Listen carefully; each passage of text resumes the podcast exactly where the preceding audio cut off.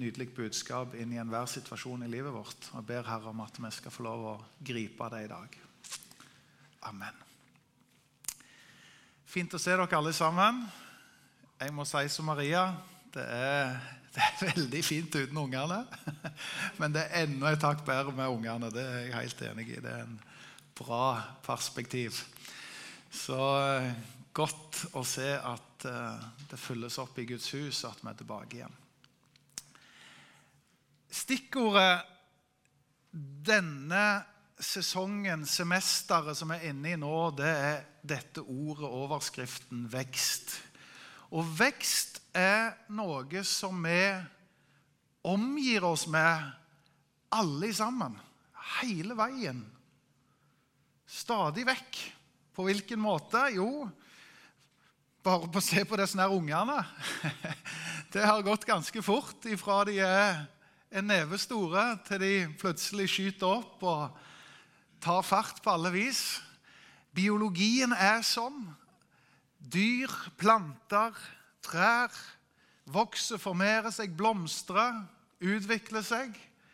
Sånn er det med mennesker, sånn er det med dyr, sånn er det med planter, sånn er det med alt vi ser rundt oss. Økonomien er til og med sånn at den vokser. Eh, hvis ikke så hadde vi vært i steinalderen. Helt, helt siden eh, andre verdenskrig så har Norge hatt et mål, regjeringen alltid lagt budsjetter med et mål om vekst. Det gjør at vår velstand og levestandard økes. Du har ikke den samme lønningen i dag som du hadde for 20, 30 og 40 år siden. Vekst det omgir vi oss med på alle områder av livet. Og Det tror jeg de fleste av oss er glad for. Det gjør at verden går videre. Det gjør at vi reproduseres og ser at ting blomstrer, og at vi får det bedre og bedre. Og Så er spørsmålet vekst gjelder det òg i troens verden. Eller skal det være annerledes prinsipper i troens verden? Da vil jo jeg hevde veldig sterkt og veldig tydelig at på samme måte som vekst omgir oss på alle andre områder så er det òg det mest naturlige i troens verden at vi får lov å vokse i troen. Og Så er det spørsmål hvordan vokser en i tro? Da har jeg tatt en liten illustrasjon med her som er lagd som vi kaller for en slags disippelskala. Og alle bilder halter, og de kan sånn sett ha sine svakheter. Men jeg tror vi må understreke et poeng og si det at eh, det er noen som overhodet ikke har kjennskap til Jesus. Kall det gjerne unådde folkeslag. De er langt vekke sånn sett. Og så kan vi på ulike måter se at folk nærmer seg troen på Jesus. Nysgjerrighet, søndagsskole, folk stiller spørsmål, folk blir en del av et barne- og ungdomsarbeid. Du møter folk på puben, folk som er litt brisende og begynner å spørre og grave på ulike måter så kan du se at folk kan nærme seg dette sentrum som er så viktig at den kommer til en overgang der troen er i hjertet og bekjennelsen er med munnen når en får lov å ta imot Jesus. Men det er ikke sånn at veksten stopper der.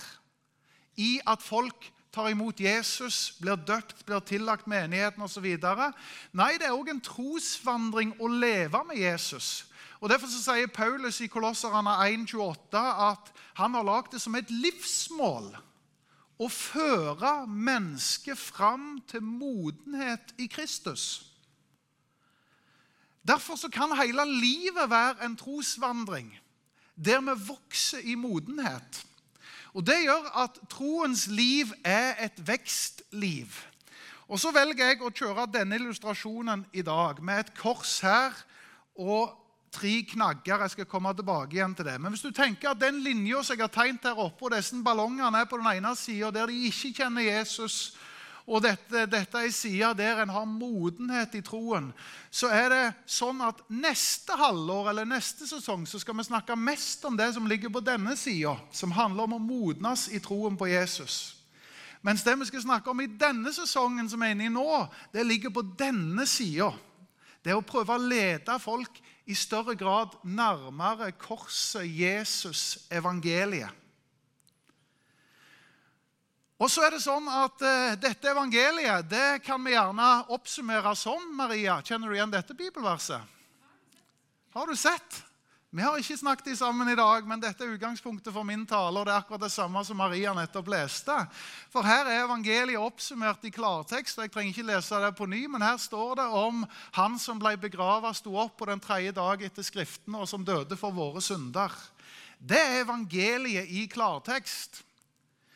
Men så har jeg lyst å prøve, for Vi kunne jo på en måte bare pakket de sammen og sagt at da har vi på en måte gitt essensen. Du har fått evangeliet, det står her. Men jeg har lyst å snakke evangeliet, tale evangeliet, på en måte som forhåpentligvis pirrer nysgjerrigheten for noen som ikke tror, og som istandsetter oss i større grad til å, være, til å, klare å formidle evangeliet. Fordi at Bibelen er klar på Romerne 10 sier at troen den kommer av forkynnelsen eller formidlingen, som igjen kommer av Guds ord. Det betyr at vi har ingenting å bringe denne verden hvis vi ikke bringer evangeliet. Altså, Vi kan jo selvfølgelig være snille og gode og prøve å gjøre verden til et bedre sted. Men det som virkelig føder vekst, det er evangeliet forkynt og formidla og forstått og tatt imot. Derfor så må vi være en menighet som er begeistra for evangeliet. For da er vi begeistra for Jesus, og da har vi noe å bringe til denne verden. Evangeliet er det eneste som fører folk ifra minus til pluss. Ifra mørkets makter til Gud, ifra mørke til lys. Evangeliet er helt sentralt. Og Derfor så må vi drilles igjen og igjen på hva er evangeliet, sånn at vi blir i stand til å formidle det. Og så kan du si ja, men jeg er ikke typen som taler. Nei, det kan godt være. Men kanskje du er i stand til å samtale, for det gjør du hele veien. Samtale med folk det gjør vi stadig vekk. Det vil si at det dukker opp spørsmål, og hvis jeg er i stand i større grad til å sette ord på de spørsmålene, eller prøve å redegjøre for den troen jeg har, eller hvis noen stiller meg spørsmålet ja, hva er det du egentlig tror på, ja, så kan jeg for, klare å formidle evangeliet. Hvis noen sier hva, gjør at du er en kristen, så er jeg i stand til å sette ord på det og har noen vitnesbyrd. Hele dette landskapet her skal vi prøve å dekke i den perioden vi er inne i nå, fordi det er så sentralt at vi griper evangeliet. Så selv om det står i klartekst der, så har jeg tatt med Jeg var innom Ikea i går og kjøpte ei knaggrekke med seks, og den sakte jeg i to. for Da hjalp det, og da ble illustrasjonen min riktig. Fordi at jeg har lyst til å kretse det rundt tre knagger som òg er festa her, for å si noe om hvilke element er det som egentlig evangeliet består av. Og Så skal jeg prøve å henge noen lapper opp etter hvert som gjør at du klarer å henge med. Men ofte så er det sånn at ulike budskap i verden blir formidla med tre punkter. I reklamens verden så er det sånn. Nå for tida er det jo politikken som råder skjermene og gatene. og sånne ting. Politikken er det også sånn. Du har sikkert hørt et budskap som er noenlunde i denne gata. Eh, vi har behov for å få ned klimaforurensningen. Eh, vi må bedre klimaet, vi må få ned temperaturen. Eh, det er behovet alle mennesker har. Men så er det et problem, og det er at eh, ingen parti gjør noe. Og så er det en løsning. Vårt parti har løsningen. Sant? Det er ofte sånn det formidles. Eller det er fattigdom i verden eller fattige barn i Norge. Det er et behov for at vi løfter folk ut av fattigdom. Problemet er at eh, de som styrer og steller, gjør ingenting. Men stem på oss, vi har løsningen. Kjenner dere igjen? Det er stort sett som politikken prøver å fortelle oss at det er. Svartmaler alle, alle andre og sier at de har løsningen. Sånn er reklamens verden. Dette har du behov for, dette er problemet, men vi har løsningen. Og ikke så langt unna er evangeliet. For evangeliet består av disse tre knaggene. Behovet vårt som menneskehet og som enkeltmenneske. Utfordringen at vi har et gigantisk problem. Og det er nydelig at Gud har en løsning. Og I dette så ligger kjernen av evangeliet, og der tror jeg vi kan bli drilla og, og, på en måte klar til å i større grad både forstå det for vårt eget liv og formidle det til omgivelsene. Så la oss starte med det som handler om behovet. I forrige vers så står det noe om at eh, Skal vi se, var det der? Evangeliet forkynt for det ja, Nå finner jeg det ikke igjen, men jeg, jeg, tror jeg tar det der. Og sier at Jo, det var det jeg skulle si. Nå har jeg det. Romerne kapittel 3 vers 23. der står det om at alle mennesker har synda og ikke fortjener Guds herlighet, men ufortjent av Hans nåde, så blir vi erklært rettferdige. I et sånt bibelvers som det så finner du nettopp det. Vi har behov for Guds herlighet. Vi har behov for Gud, vi har behov for Guds nærvær. Det er det vi er skapt til. Problemet er at alle mennesker har synda. Men heldigvis har Jesus, Gud, en løsning i det han sender sin sønn som en soning for våre synder og erklærer oss rettferdige. I et sånt et vers så ser du både behovet, du ser problemet og du ser løsningen. Og La oss ta det punkt for punkt og starte med behovet vårt. Gud er trofast. Han som har kalt dere til fellesskap eller samfunn med sin sønn Jesus Kristus, vår Herre. Det er en annen måte å si det, at vi trenger Guds herlighet, eller vi trenger samfunn med Gud. Det er et behov, et grunnleggende, dyptliggende behov som alle mennesker trenger. Der fins det fred, der fins det harmoni. Det var eh, eh, kanskje det, si, det beste med paradis, sånn som vi kan lese om det i første Mosebok, var jo selvfølgelig Det var ikke sykdom og plager og sorg og savn osv. Men det beste var at det var nærkontakt med Gud. Det beste med himmelen, om en gang kommer der, det er fint at det ikke skal være sorg og savn og smerte og sykdom og greier, men det beste er jo at vi skal være nær Gud, vår skaper, han som har skapt oss. Det er der vi hører hjemme som menneskehet. Det er i fellesskap med Gud. Og Det gjør at alle mennesker har en slags søken i seg. Vi har noen behov som vi ønsker skal bli dekt. Det er ikke alle som klarer å sette ord på det i intuitivt skjønn at det handler om fellesskap med Gud, og at det er vår kilde. Jeg skal lese et eksempel fra en eh, artist og musikkskaper som heter Avicii. På artistnavnet var Avicii. Tre år siden så tok han sitt eget liv. En svensk ung kar som var en av de hotte i verden. Et multitalent uten sidestykke. Men han tok sitt eget liv.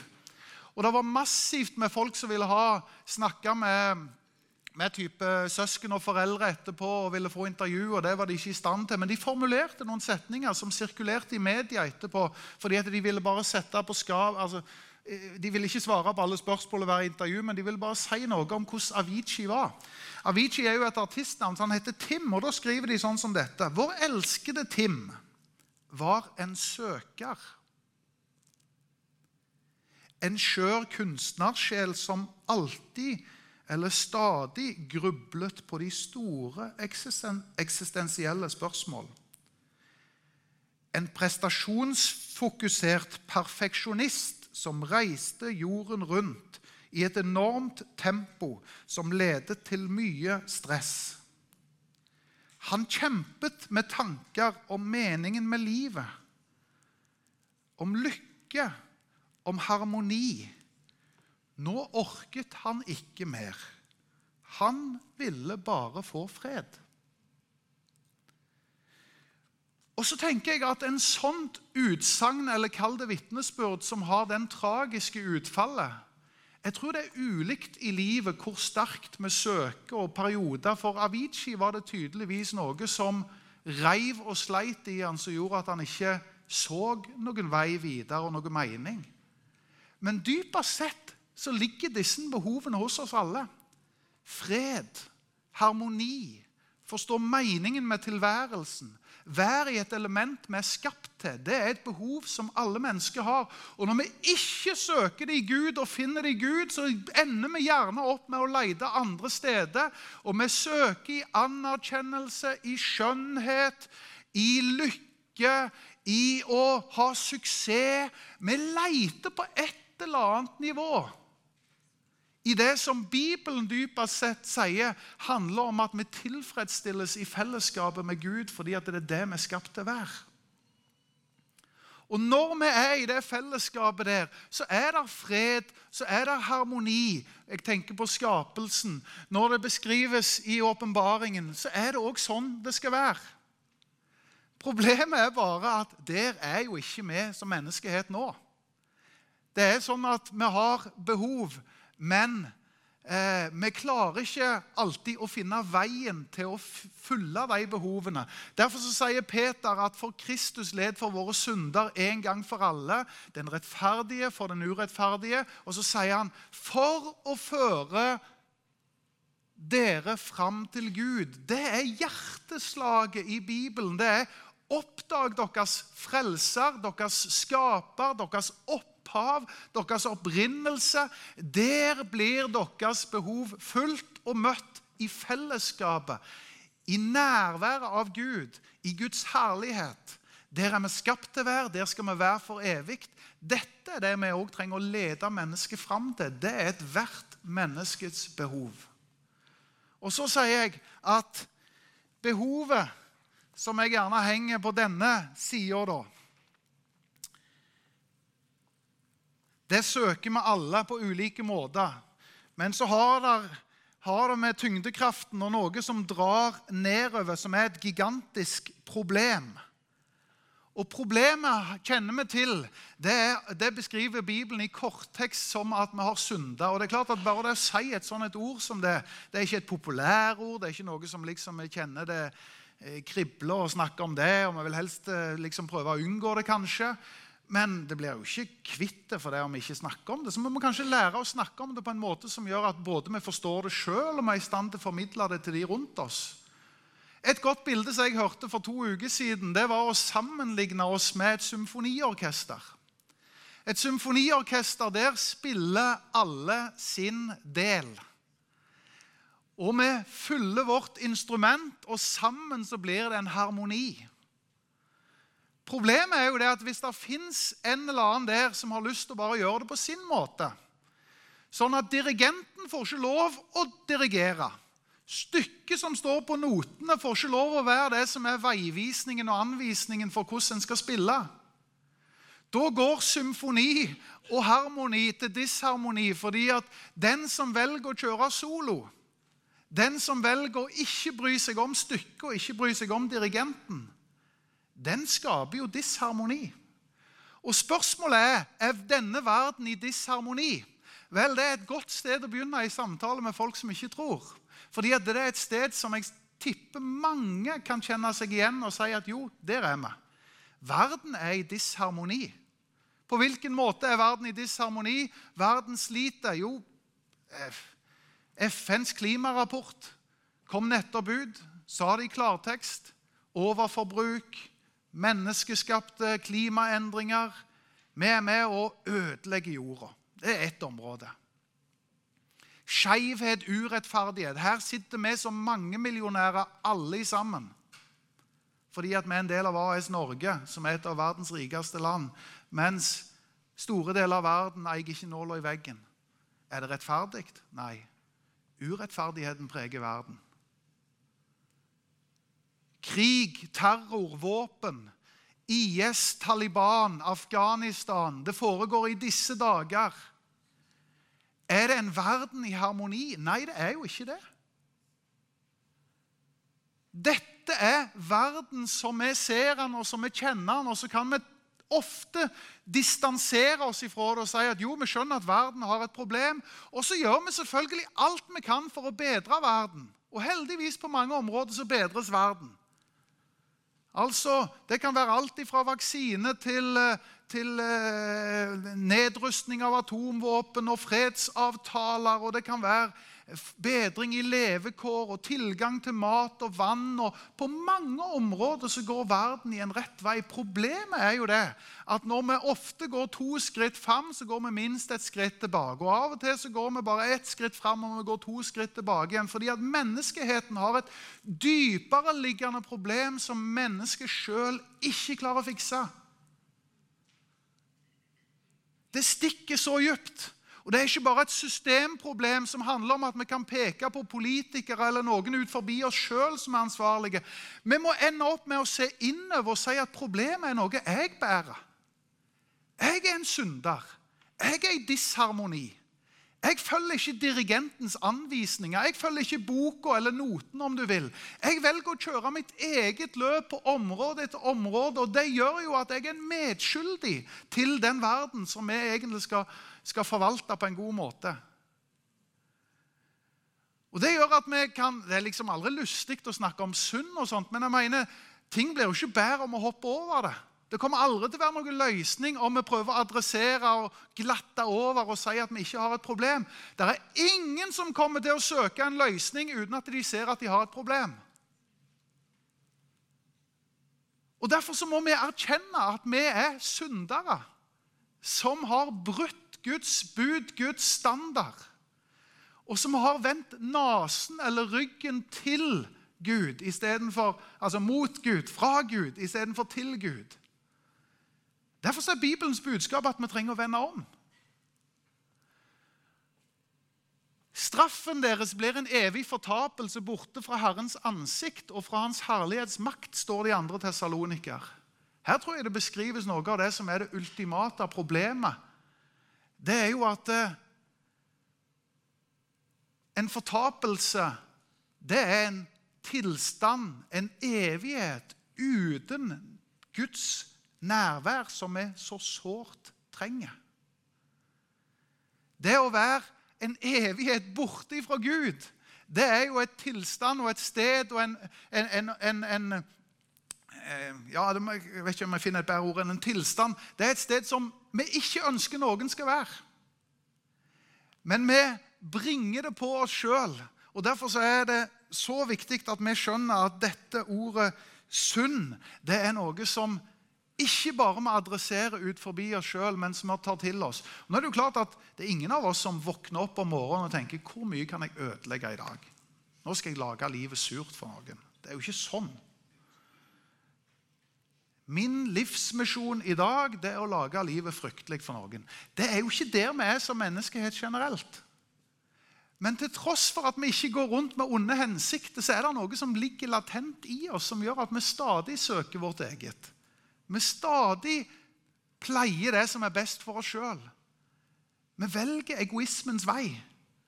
Det gjør at vi influeres av denne synda, av denne, dette problemet som vi bærer med oss alle som en. Romerne 1,25 sier at vi som menneskehet søker å tilbe det skapte istedenfor skaperen. Altså, vi prøver å finne våre behov i noe annet enn skaperen sjøl. Derfor så dyrker vi ting rundt oss. Vi jager. Det er unge mennesker som ikke føler de får oppmerksomhet og tenker nå må jeg skrive en blogg så jeg kan bli populær. Eller de kan være et fotballag eller en artist og vil bli hylla og anerkjent. og jeg er ikke sånn sett imot det. Jeg kan gjerne feire på en konsert og like et band. og det er sikkert noen jeg ville hatt autografer av. Det trenger ikke være så ille, men det er det underliggende drivet av oss at vi søker å dyrke det skapte istedenfor skaperen. Og Det gjør at vi som menneskehet har et problem. Dette problemet kaller Bibelen for synd, eller for avgudsdyrkelse, om du vil. Vi dyrker noe som ikke er Gud sjøl. Og Prøv ikke å se så prektig og hellig ut, for det gjelder ikke bare meg, det gjelder oss alle sammen. Vi dyrker avguder. Det vil si, vi setter noe høyere enn Gud stadig vekk. Vi dyrker ting som er det skapte, istedenfor å tilbe skaperen. Og En menneskehet med de problemene vil ende opp i disharmoni. Det gjør at det blir ikke bare krøll Af i Afghanistan med, mellom Taliban og terrorhandlinger med IS. Men det blir problemer på hjemmebane med mine unger. Det blir trøbbel i ekteskapene. Vi roter det til i konfliktene på jobb. Er du med? Alt dette her, dette er oss mennesker. Og så tenker jeg at eh, det må jo snart bli lystigere, og heldigvis blir det det. Fordi at eh, ja, ta, eh, Hvis vi skal ta bildet fortsatt med symfonien, da, så tenker jeg at dirigenten har to valg. Enten så må han kaste ut de som er, spiller solo. Eller så må han få orden i rekkene, for å si det sånn. Og Det å bli kasta ut av Guds nærvær det er egentlig vår tilstand som menneskehet alle sammen. Fordi at vi velger å spille solo i symfoniorkesteret. Men så er jo dette nydelige da, at Gud er nådig. Og Det gjør jo at vi ender opp med å ei pil som går oppover fordi at vi tror på en løsning. Og Nå håper jeg jo snart det blir begeistring her i rommet, for nå begynner det jo å bli bra her.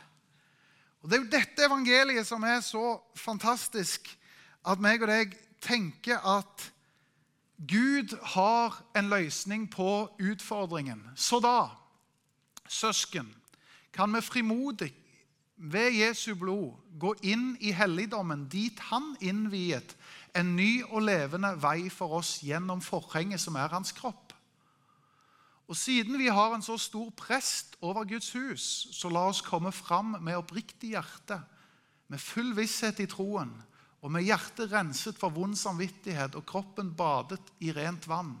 La oss holde urokkelig fast ved bekjennelsen av håpet, for Han som ga løftet, er trofast. Dette er et utrolig metta vers. og når jeg forberedte dette, så, så, så skjønte jeg at her kunne vi lagd en bibeltime bare på, på dette verset. Men vi skal ta kort essensen. Gammeltestamentlig tid så var det én som fikk nærme seg Gud én gang i året. øverste presten.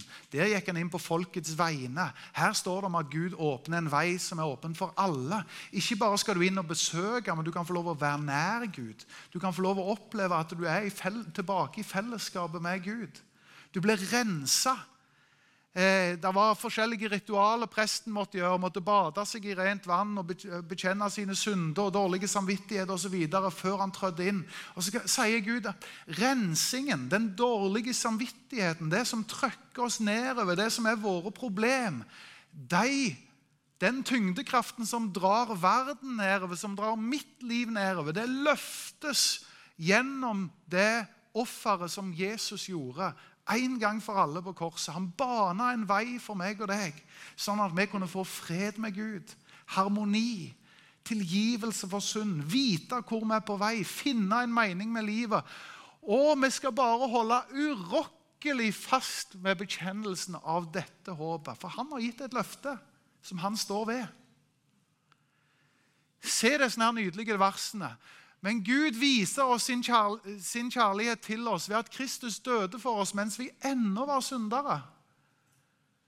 Når vi nå er blitt rettferdige ved Jesu blod, hvor mye mer skal vi ikke da gjennom ham bli frelst fra vreden? For mens vi ennå var Guds fiender, ble vi forsonet med Han ved Hans sønns død. Når vi nå er forsonet, hvor mye mer skal vi ikke da bli frelst ved hans liv? Ja, ikke bare det. Vi har også vår stolthet i Gud ved vår Herre Jesus Kristus, Han som har gitt oss forsoningen. For av nåde er dere frelst ved tro. Det er ikke et verk av dere sjøl, men det er en Guds gave. Det hviler ikke på gjerninger for at ingen skal skryte av seg sjøl.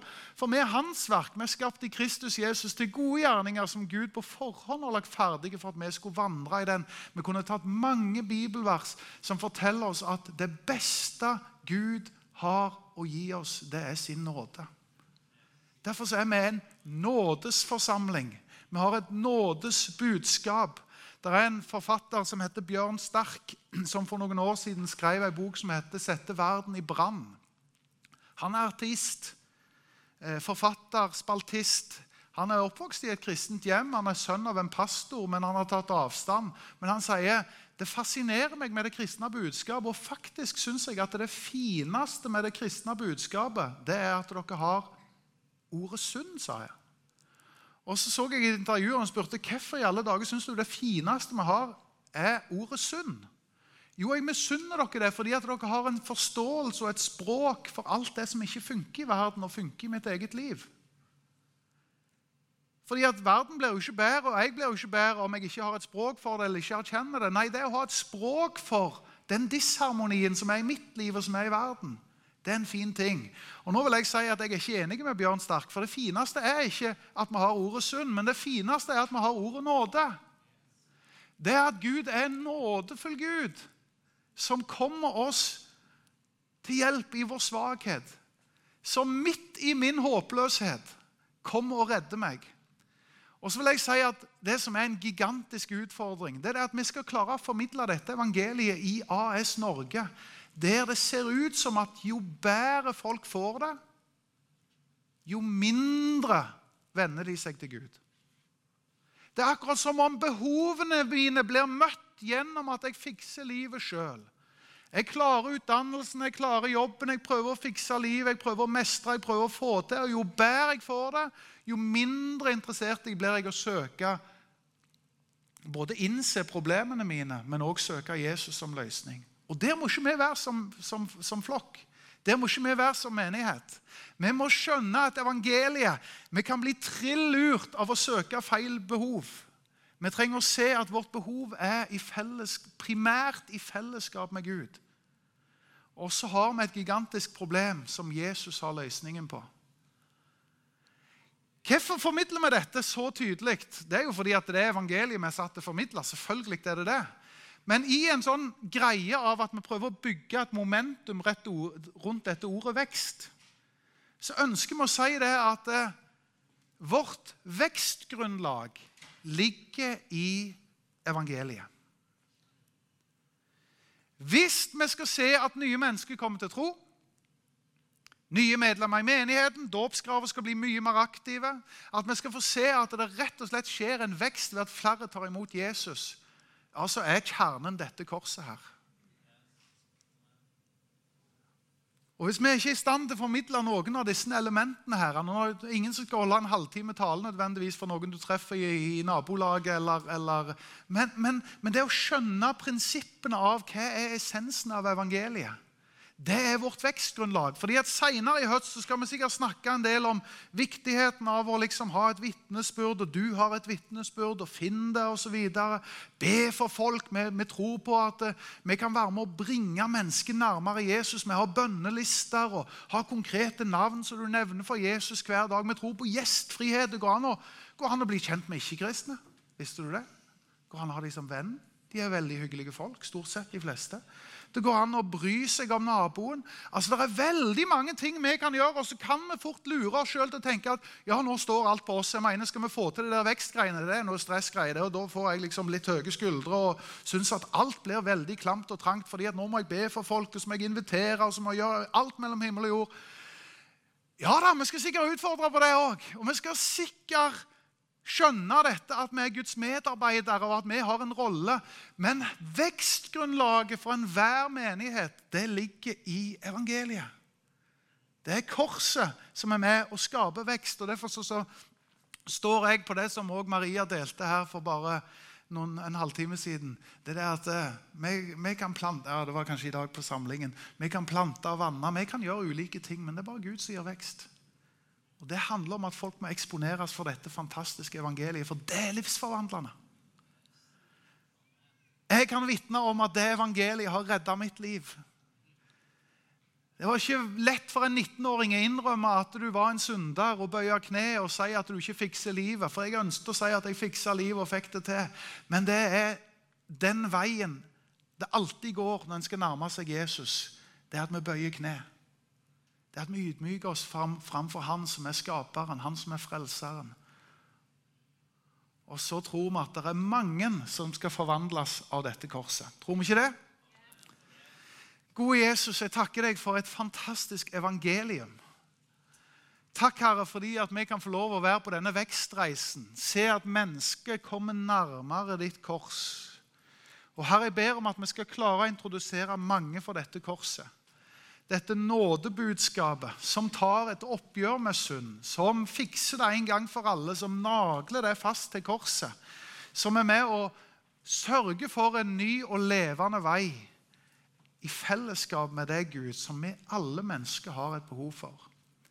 Og Herre, Nå ber vi for det landet som vi er så glad i, for de nabolag og for den bygda som er en del av. Herre, vi tror at du har satt oss her og gitt oss et oppdrag for denne tida. Herre, jeg ber om at vi skal ha en evangeliebegeistring og en Jesusbegeistring og en, en frimodighet til å formidle at alle mennesker har et behov, et problem, og at du, Gud, har en løsning. Takk for at alle skal med. Herre, vi ber om at eh, vi skal få lov å være et sånt et sted som formidler evangeliet med frimodighet. I Jesu navn. Mens de gjør seg klar til å synge nå, så vil jeg òg gi en anledning helt på slutten. Romerne 1,16 sier noe om at jeg skammer meg ikke av evangeliet. Og Jeg prøver å se for meg en menighet der ingen, ingen skammer seg av evangeliet. Men tvert imot er rakrygga, høyreist og stolte og med et smil kan si at det er det beste som har skjedd meg. Dette evangeliet det har gjort noe i mitt liv. Og en stolt, positivt stolt menighet som sier dette evangeliet skammer meg ikke over. De kan òg få lov å se at eh, dette evangeliet som ikke skammer oss over, det er en Guds kraft til frelse for hver den som tror. Det er enormt kraftfullt. Og det er Kraften i evangeliet den fins i dette rommet her og nå. fordi at Der evangeliet formidles og forkynnes, der kan det òg tas imot med et åpent hjerte. Og Det går an å tro det med hjertet, det går an å sette sin lit til det. Det går an å bekjenne med sin munn og si at ja, jeg vil tro deg, Jesus. Jeg vil følge deg. Og Derfor er det en bra anledning til å ta imot Jesus hvis en ikke har gjort det. For noen i dette rommet så kan det være sånn at jeg føler meg nå er ikke evangeliet følelser, men du kan vite med deg sjøl at jeg har tatt så mange omveier og svinger og vendt meg så mye i min egen retning og spilt så solo i det symfoniorkesteret at jeg trenger å vende meg tilbake igjen til evangeliet og finne nåde og hjelp i rett tid. Og nå er den rette tida for meg å vende meg tilbake igjen til Jesus og finne nåde og finne hjelp. Da har jeg lyst til at vi skal ta deg med i en bønn invitere Jesus inn som både frelser og som herre i livet. Sånn at vi kan komme på rett kurs. Skal vi ta et lite øyeblikk og lukke øynene våre, og så kan du få lov å løfte ei hånd med en gang der du sitter. Og så ser jeg en hånd, og så er det flere, så må dere gjerne løfte hånden. Så skal jeg ta deg med i en bønn. Ja, flott. Flere hender her. Flere som gir respons. Og her er jeg eh, vil ikke spekulere for mye i de hendene som går opp. Du kjenner hvert et hjerte. Er sikkert folk som både vil tilbake igjen til deg, og folk som vil ha hjelp i utfordrende situasjoner. Herre, takk for du er en Gud som møter oss. Takk for evangeliet forteller om en Gud som ikke vender ryggen, og som ikke overser eller dropper ut og bryr seg. Men Herre, du har sona for oss på korset. Du har ofra ditt liv for oss. Hvor mye mer vil du ikke da komme i oss i møte i våre utfordringer, i våre problemer? Herre, du vil mette oss. Og Herre, nå ber jeg om en åndsoppvåkning, Herre, i forsamlingen. Vi er gjerne sjelsfokuserte med sjelelige opplevelser, konserter, kultur og kunst. Vi dyrker gjerne det kroppslige, spiser sunt ut og trener. Men Herre, jeg ber om at vi skal være åndsfriske. Og jeg ber om at de som kjenner at det har vært slokna hen, så ber jeg om at det skal bli bål i gamle glør i Jesu navn. Herre, vi ber om at vi skal få lov å få tenningen igjen for deg, for evangeliet, Herre, og venne oss til deg og følge deg. Takk, Herre, for du kom oss i møte gjennom ditt ord. Og takk for evangeliet som er med å skape noe inn i livene våre. Det ber vi om at det skal skje nå òg. Og takk, Herre, fordi at du så åpenhjertig tar imot ethvert menneske som søker deg. Du har sagt at du er ikke langt vekke fra en eneste en. Du er nær oss i vår munn og i vårt hjerte, Herre. Nå er det hjertet som har vendt seg mot deg. Og det er bekjennelser i form av hendene som har gått opp. Kanskje det òg er bekjennelser i forlengelsen til en venn eller en venninne om at du ville gå tilbake igjen til Jesus. Herre, du ser de hjertene, og du ser de bekjennelsene. Og takk for det at du tar imot oss. Takk for at du ikke legger lista høyt og stiller masse krav. Du har lagt lista helt lågt, Herre, og sagt du er bare en bønn vekke. Takk, Herre, fordi at du kommer oss i møte der er. I Jesu navn. I Jesu navn.